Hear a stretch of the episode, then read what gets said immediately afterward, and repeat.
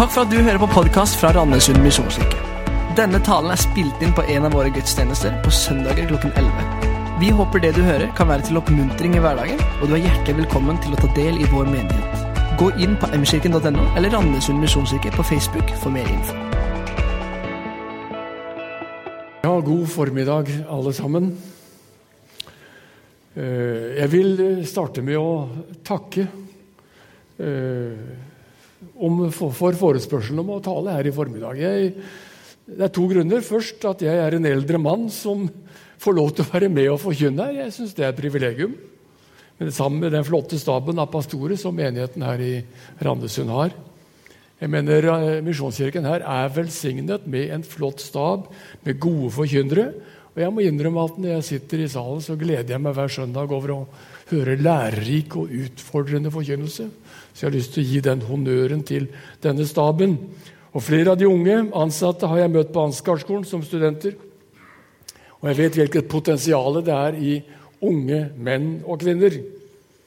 Og Hvis jeg går litt lenger tilbake, for 20 år siden så bidro jeg til å kalle en ung mann fra Jæren som het Roy Gjelling Foss, til han ble bibelskolelærer på Ansgarskolen. Og Siden så ble han her i byen og har fått bety veldig mye for mange av menighetene våre og enda flere unge mennesker. Og Når jeg først er i, i denne modus, så må jeg jo få lov å fortelle også da, at, at menighetens pastor, Jarle, og hans bror Svein Tore de hadde jeg konfirmasjonsundervisning med i Mjøndalen da jeg var ung pastor der. Så da skjønner dere at årene går, og eh, jeg er en eh, eldre mann. Generasjonsutveksling eh, det hører livet til. Og Nå har altså Jarle i mange år vært min pastor, og jeg kjenner meg privilegert å få lov å preke her sammen med denne flotte gjengen som er her i menigheten. Jeg har lyst til å gi dem en applaus. hva?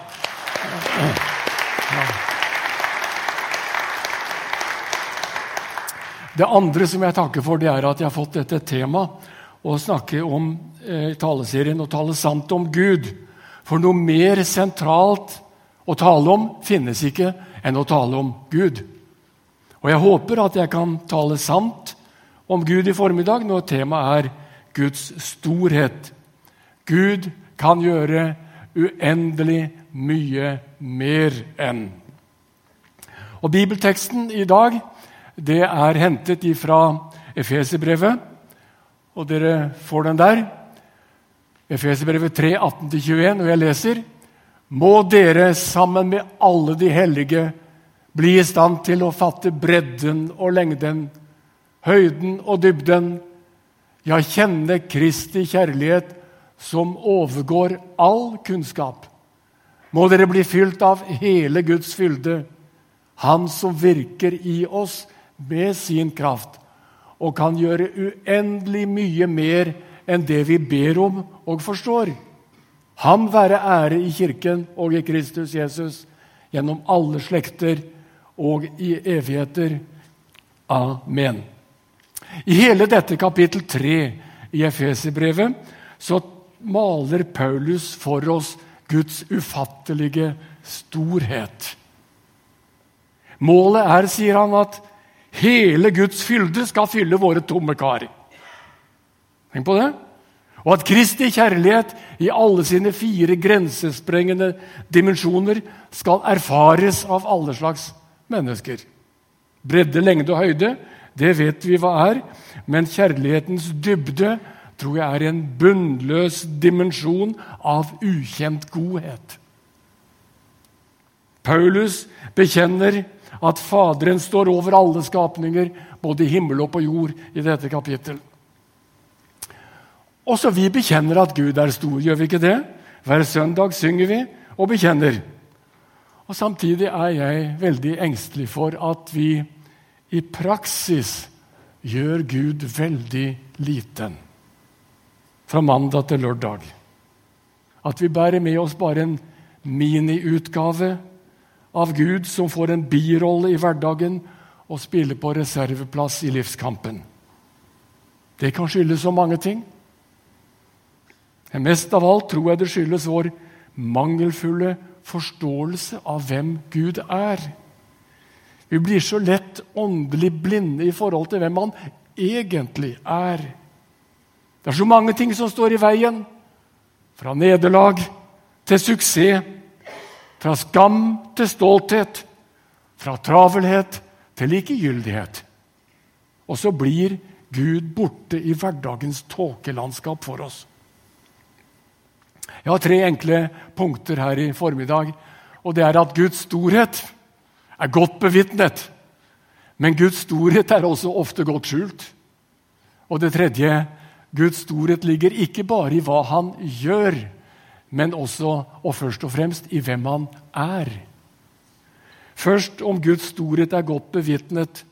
Og det første jeg vil understreke, er at Guds storhet er godt bevitnet i vår erfaring. Vi har erfart at Gud er stor. Mange her kunne vitne om det. Så Vitnesbyrd er nettopp et vitnesbyrd om at Gud har grepet inn og gitt oss hjelp og gjort oss både stumme, ydmyke og takknemlige. Og Nå har jeg lyst til å dele med dere en erfaring eller opplevelse som jeg tror er den erfaring som er det største jeg har opplevd i hele mitt liv og i min tjeneste. Og det er erfaringen som er en felles historie for oss alle. Og det henger sammen med flyttingen av Ansgarskolen fra Oslo til Hånes i 1986 til 1988. Og Hør på den historien. Jeg har gått tilbake og lest protokoller og har sett litt nøyere på hva som egentlig skjedde. enn det jeg var midt oppi det. Da jeg begynte som student på Ansgarskolen på 60-tallet, fryktelig lenge siden, da holdt vi til i et bolighus, et stor bolighus for Slemdal i Oslo. Og vi stappa inn 20 studenter. Da var det stappfullt. Etter noen få år flyttet vi opp på det nedlagte Vettakollen turisthotell. Bygningen var gammel, men ble pusset opp flere ganger og ble utbygd med klasserom, gymsal og nye boliger. og likevel Lokalene var trange, internatdelen var gammel, umoderne og fryktelig brannfarlig. På 80-tallet var Sveinung Lorentzen rektor på skolen, og jeg var leder i Misjonskirken Norge. Olav Rommendal, altså bror til Lars Rommendal på Ansgarskolen, onkel til Svein Tore Jarle her i menigheten og far til Kristian. Dere kjenner jo hele familien. Olav var veldig sentral i en visjon om å reise en ny Ansgar-skole sammen med mange andre. andre. Vettakollen var nemlig for liten, for gammel og for kostbar å vedlikeholde. Ansgar-skolen var kort og godt ikke rustet for fremtiden. Men verken Misjonsforbundet eller Ansgar-skolen hadde penger. Noen hadde imidlertid tro til Gud, og samtidig så de at eiendommen hadde steget mye i verdi oppe på Vettakollen. Vi ba mye om Guds veiledning, og et prosjektstyre ble nedsatt. Begynte å legge planer. Det ble forhandlet frem et tomtetilbud på Hånes. Vi hadde mange andre også inne i bildet. Men arkitekt ble engasjert, og skolestyret ba om nødvendige fullmakter. Det var veldig delte meninger om å flytte Ansgarskolen til Sørlandet. Særlig på Østlandet var det motstand mot det. Eh, avgjørelsen skulle tas i en ekstraordinær årskonferanse som fant sted i Salem misjonsmenighet inne i Henrik Wergelands gate. Det var høsten 1986. Og Stemningen var veldig negativ på forhånd. Store menigheter kom med bundet mandat om å si nei til forslaget. Men hovedstyrets forslag til vedtak Der var betingelsene så krevende og tidsmarginene så knappe at motstanden ga seg. Faktisk var logikken for de fleste følgende dette kan vi stemme ja til, for dette betingelsene kan aldri bli oppfylt. Det er lett å svare ja på det. Blant annet skulle Vetakollen selges for 25 millioner kroner, en høy sum på 80-tallet. Avstemningen ga derfor flertall for forslaget, og forbundsstyret fikk nødvendige fullmakter. Mange av oss så vedtaket som en bekreftelse på at Gud ville at vi skulle flytte Ansgarskolen til Kristiansand. Vi takket Gud og vi fortsatte å be mye. Og I månedene som fulgte, gikk den ene avtalen etter den andre i boks.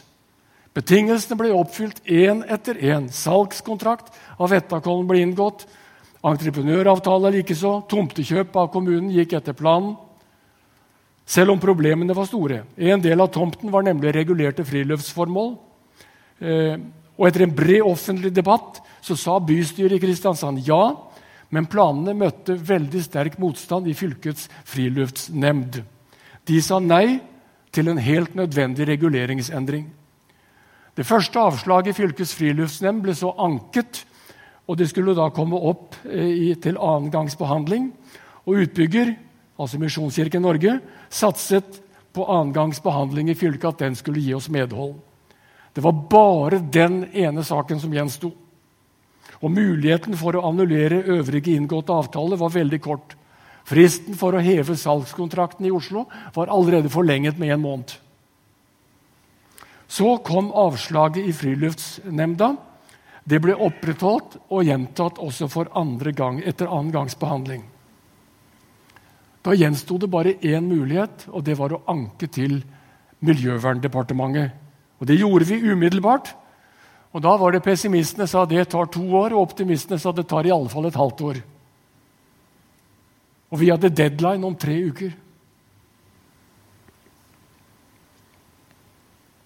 Meldingen om fylkes avslag andre gang husker jeg kom til oss mens vi var på predikantmøte i Trondheim i mars 1987. 18. mars kom meldingen. Og da kom tvilen til mange av oss. Har vi virkelig tatt feil? Usikkerheten. Og vi ba mye til Gud de dagene. Jeg husker vi bøyde kne på predikantmøtet. På en måte så ble vi tvunget til å gi hele prosjektet tilbake til Gud og si Gud, dette er ditt prosjekt, ikke vårt. Og vi ba kort og godt og sa vil du at det skal bli virkelighet i Kristiansand som vi trodde var riktig, så må du gripe inn. Og vi sa også og dersom dette ikke er din vilje, Gud, så det ikke blir noen ny Ansgarskolen på Hånes, så aksepterer vi det. Da fortsetter vi på Vettakollen. Ammen. To uker senere, onsdag 1. april, og det var ikke noe aprilspøk, fikk vi grønt lys fra departementet.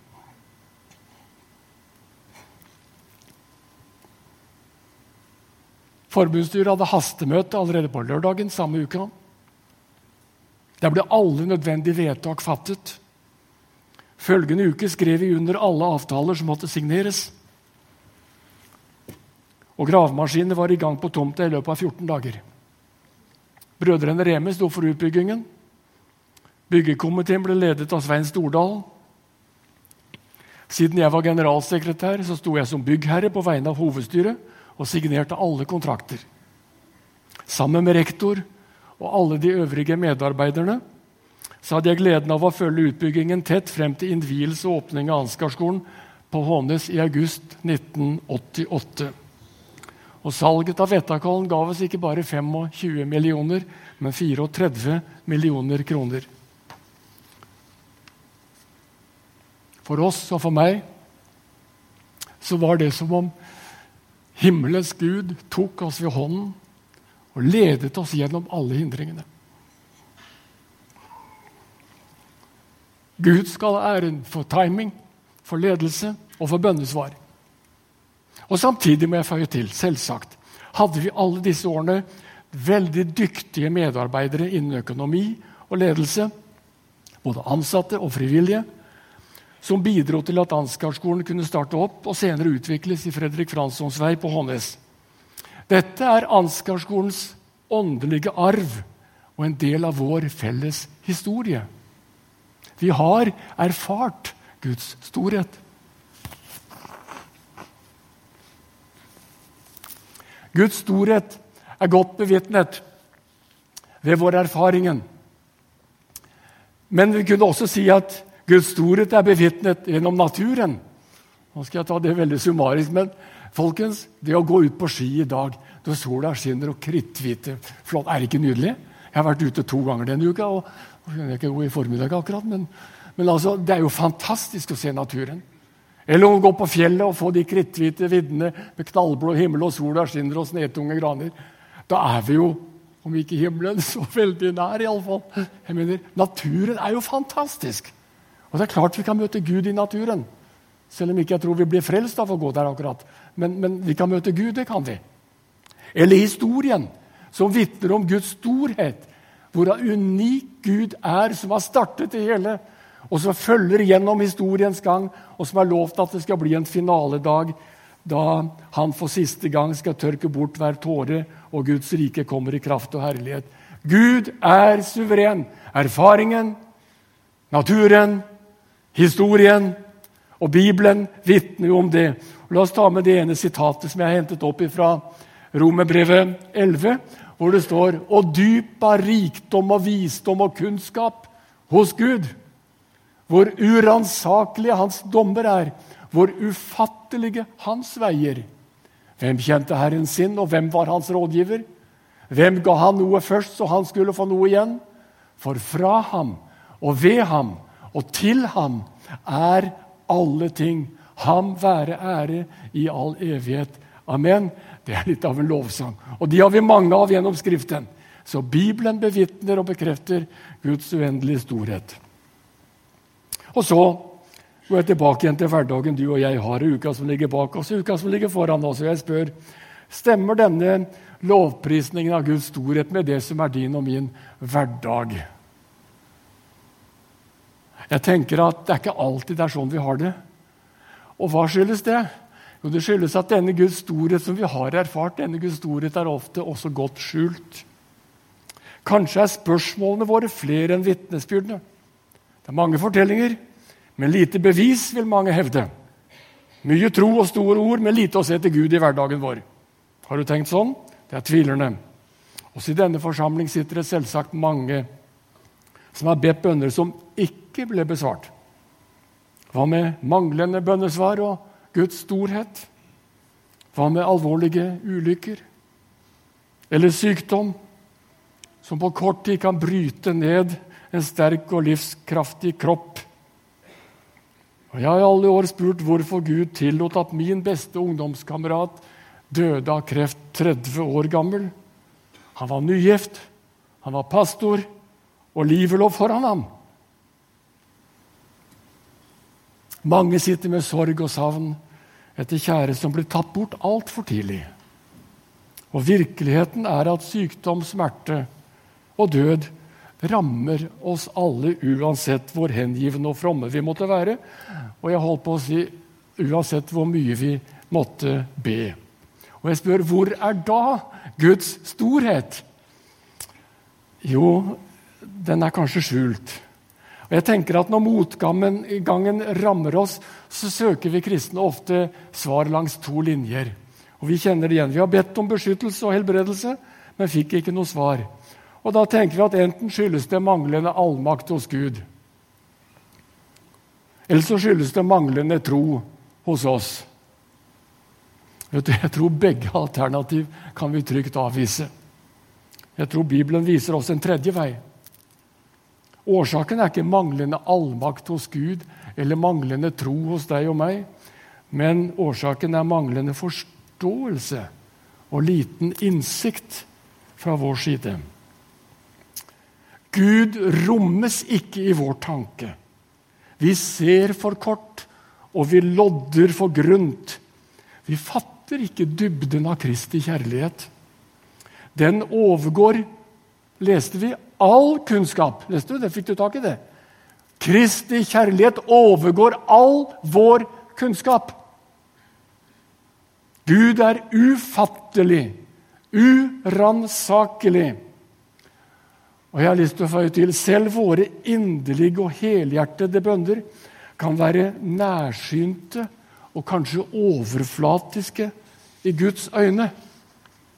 Tenk det. Men alt dette vet jo Gud, så det er ikke noe problem fra hans side. Men selv er vi ofte uvitende om egne begrensninger i vår forståelse. Vi tror for stort om egen dømmekraft.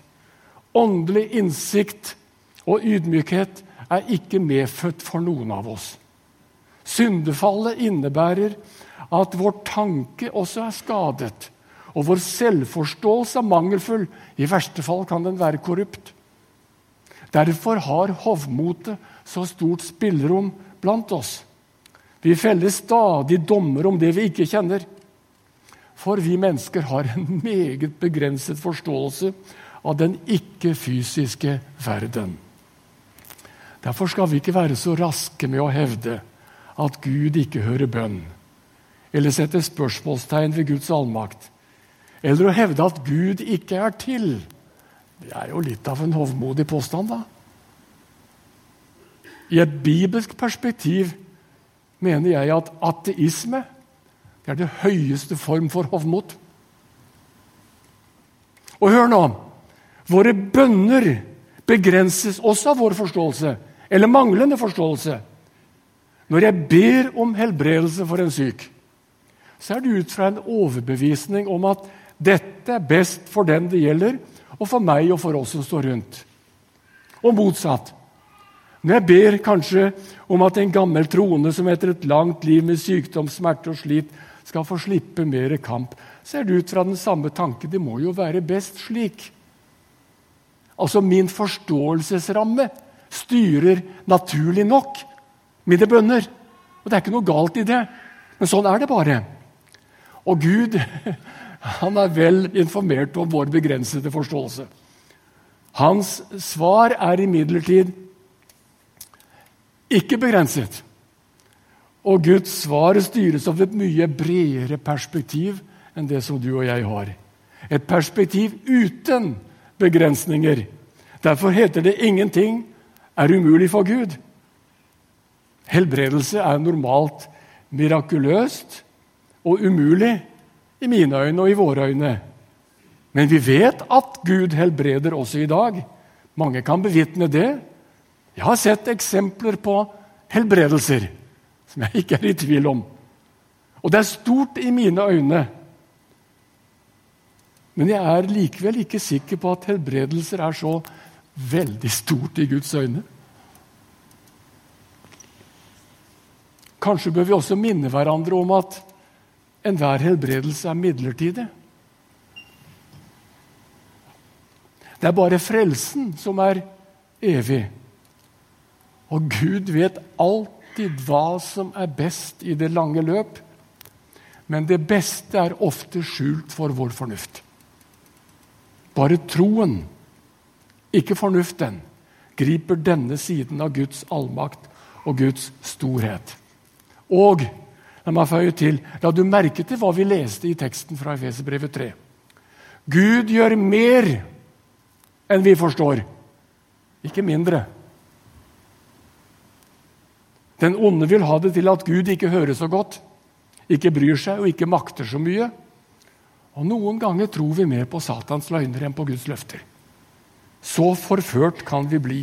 Nei, hør, Gud gjør mer enn vi forstår. Mer enn vi ber om. Ja, det står på en trefoldig måte. Gud gjør mye mer. Han gjør uendelig mye mer enn vi forstår og ber ham om. Det betyr altså at Guds makt og allmakt begrenses ikke av min forstand eller av min tro eller av min mangel på tro.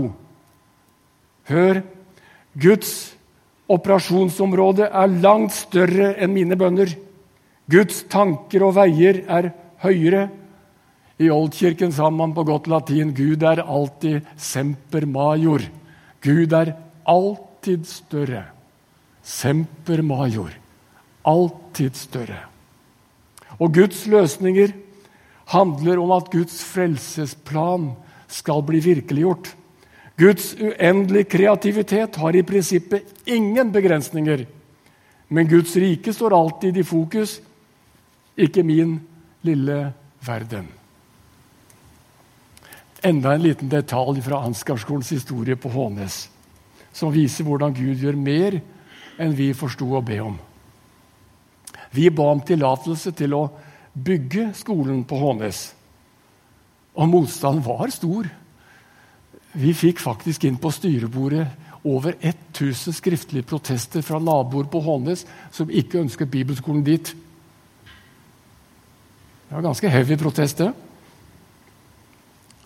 Men motstanden den gangen var direkte årsak til at Ansgarskolen fikk tilbud om å kjøpe tolv mål tomt opp mot Hånes senter. Måtte betale en million ekstra, husker jeg. Men det var erstatning for et tilsvarende område areal ned mot sjøen som skolen var lovet av kommunen, men som de ikke fikk kjøpe pga. motstand og friluftsinteressene. Slik at friluftsinteressene førte til at vi fikk tomta på toppen som erstatning for den vi ikke fikk ned ved sjøen. Og den hadde jo ikke vi kunnet bygge på i alle fall. Og uansett så er jo det et friområde som alle av oss bruker med glede sammen med allmennheten. Men hør, det var, denne, det var utbyggingen av denne tomten på toppen Noen av dere bor jo faktisk oppe der nå. Som ble virkeliggjort for snart ti år siden. Det var den utbyggingen av tomten som ga skolen de 20 millioner kroner som gjorde det mulig for oss å bygge kapellet og dagens store undervisningsbygg. Motstand på 80-tallet gav oss medgang 20 år senere.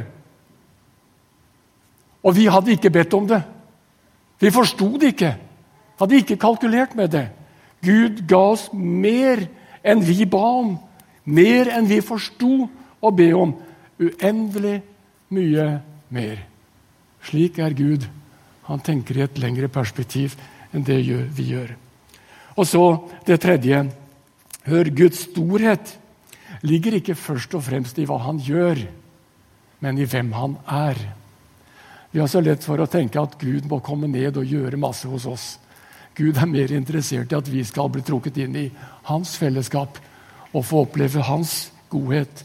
Hvem er Gud? Jo, litt summarisk og raskt til slutt nå. Guds eksistens. Gud som treenig Gud, som Fader, Sønn og Hellig Ånd, bevitner hans storhet. Vet du at Guds væren, det at Gud er til, rommes ikke i vår tanke eller i vår kunnskap. Og treenighetslæren om Fader, Sønn og Hellig Ånd, det er Kirkens forsøk på 300-tallet på å gi et sant bilde av Guds storhet, men bare et forsøk. Å forstå en flik av hvem Gud egentlig er. Og det er klart, tre i én sprenger jo våre kategorier og rammer definitivt. Det ligger jo beyond our understanding. du skjønner? Det ligger utenfor. Treenighetslæren den motsies av både jøder og muslimer og Jehovas vitner. Og de hevder med støtte i logisk tenkning at Gud er én, og han kan ikke være tre. Og Jeg er enig i det, men det er jo fordi at nettopp Guds blotte eksistens utfordrer også den, vår tanke, og ligger utenfor den. Og all vranglære Om du skal summere opp veldig kort og, og right to the point All vranglære består i, dypest sett, at mennesket begrenser Gud. Gud får ikke lov til å være større enn min tanke. Og Da sier jeg da kan det jo være Gud sjøl, og det er jo det vi forsøker å være. Kirkefader Augustin har sagt hvis du tror du har forstått Gud, da er det ikke Gud du har forstått. Gud lar seg aldri fange av fornuftens radar. Han ligger utenfor. Det er en syrer som heter Efraim, kirkefader. Levde på 300-tallet. Vi vet ikke når han er født, men han døde i 373. Han snakker om det ontologiske gapet. Og Det betyr at Gud hører hjemme i en helt annen dimensjon enn oss. Han har sagt følgende, og hør på dette sitatet Hvis Gud ikke selv hadde villet bli kjent av oss, skulle ingen i hele verden ha vært i stand til å opplyse oss om ham. Men nå har Gud åpenbart seg. Paulus skriver Guds storhet er et mysterium som fra evighet av vært skjult hos Gud, men dette er nå ved Åndens sitat blitt åpenbart for Hans hellige apostler og profeter. Sitat slutt. Så vi kan altså vite en del om den treenige Guds storhet, bl.a. at Gud er kjærlighet. At vi tror på Gud Fader, Sønn og Hellig Ånd, den treenige Gud, det dreier seg ikke om matematikk men om relasjoner mellom tre personer som i et unikt fellesskap vokser og erobrer verden i kjærlighet. Det er en kardinal som har Walter Kasper har sagt Hør på denne. Kjærligheten ønsker alltid å bli ett med den andre. uten å utslette den andre eller å oppløse seg selv. Kjærligheten forener to i den ultimate enhet. Kjærlighet betyr å bli ett, men stopper ikke ved nærhet mellom de to, fader og sønn, er han taler om så langt. I stedet overskrides den enkeltes grenser i en tredje felles størrelse som både representerer dem begge og fullt ut realiserer seg selv. Slik forstått er treenighetslæren en presis beskrivelse av at Gud er kjærlighet, hvor man bekrefter, forener, ikke overkjører, men får lov til å oppleve frihet og enhet i et fellesskap. Og dere skjønner, Dette er jo det ideale ekteskapet. ikke sant? Du skjønner det med en gang. At her har du jo kjærligheten som ender i barn som fødes i nettopp denne kjærlighetsatmosfæren. Og så fortsetter Kasper og sier om Gud Gud er én, men han er ikke ensomhet. Han er fellesskap i seg selv. Og han elsker å bringe oss inn i dette fellesskapet. Det er Guds storhet. Og Det er en annen teolog som heter Gressek, som mener at relasjonen mellom de tre personene i treenigheten er i stadig bevegelse. Han sier hver enkelt gir seg til fellesskapet med sin annerledeshet og bidrar til en enhet som ikke kunne oppstått uten den enkeltes unike bidrag. Det er den treenige Gud, og det er dette han kaller for den trinitariske dansen, som flere har brukt som uttrykk senere. Og vet du at den trinitariske dansen det er det unike fellesskapet som er i den treenige Gud, mellom Fader, Sønn og Hellig Ånd, som lever og er i utvikling. Og Det er denne indre trinitariske dansen som ikke vi fatter med vår tanke og forstand, som vi kaller Guds mysterium. Det er Gud. Og hør, det er i dette Guds bilde du og jeg er skapt. Og hva betyr det? Det betyr at vi er kalt til å ta del i denne trinitariske dansen. Og selv leve ut en relasjonelt forhold til alle våre medmennesker som er bekreftende, som er fullt av kjærlighet, som ikke overkjører, men som er med og er fruktbart og skaper nytt liv, slik at dette Guds rike kan vokse og utvikles. Vi er alle invitert til å ta del i denne guddommelige dansen. Og det er en invitasjon som gjelder til oss her og nå. Ikke at Gud bare må komme ned og gjøre noe her, men Gud kaller oss inn i det fortrolige fellesskapet med seg selv, der hvor vi blir en del av denne dynamiske bevegelse som er med på å forandre en verden som trenger denne guddommelige kjærlighet. Dette er kallet til oss. Treenigheten er skaperens modell for alle skapninger på alle plan, fra ekteskap og familie til menighet og kirke, ja, like til de politiske og sosiale ordninger for samfunnet som helhet, både lokalt og globalt. Snakk om visjon. Guds vilje og invitasjon er at vi alle skal trekkes inn i denne trinitariske dansen. Og den invitasjonen har ikke nådd sitt mål før Gud på den store finaledagen er blitt alt i alle. Men i dag, søndag 3. februar, så er vi samlet her i Hans navn. Faderens, Sønns og Den hellige ånds navn. Så er Gud her. Og så kommer Han til oss med sin guddommelige kjærlighet slik vi møter den gjennom Jesus Kristus, den korsfestede og oppstandende, som ga sitt liv for oss. Og som vi skal få lov å invitere til nattværmåltidet. Og det er å ta et skritt inn i den trinitariske dansen. Han er mektig til å gjøre uendelig mye mer enn vi forstår og ber om. Amen.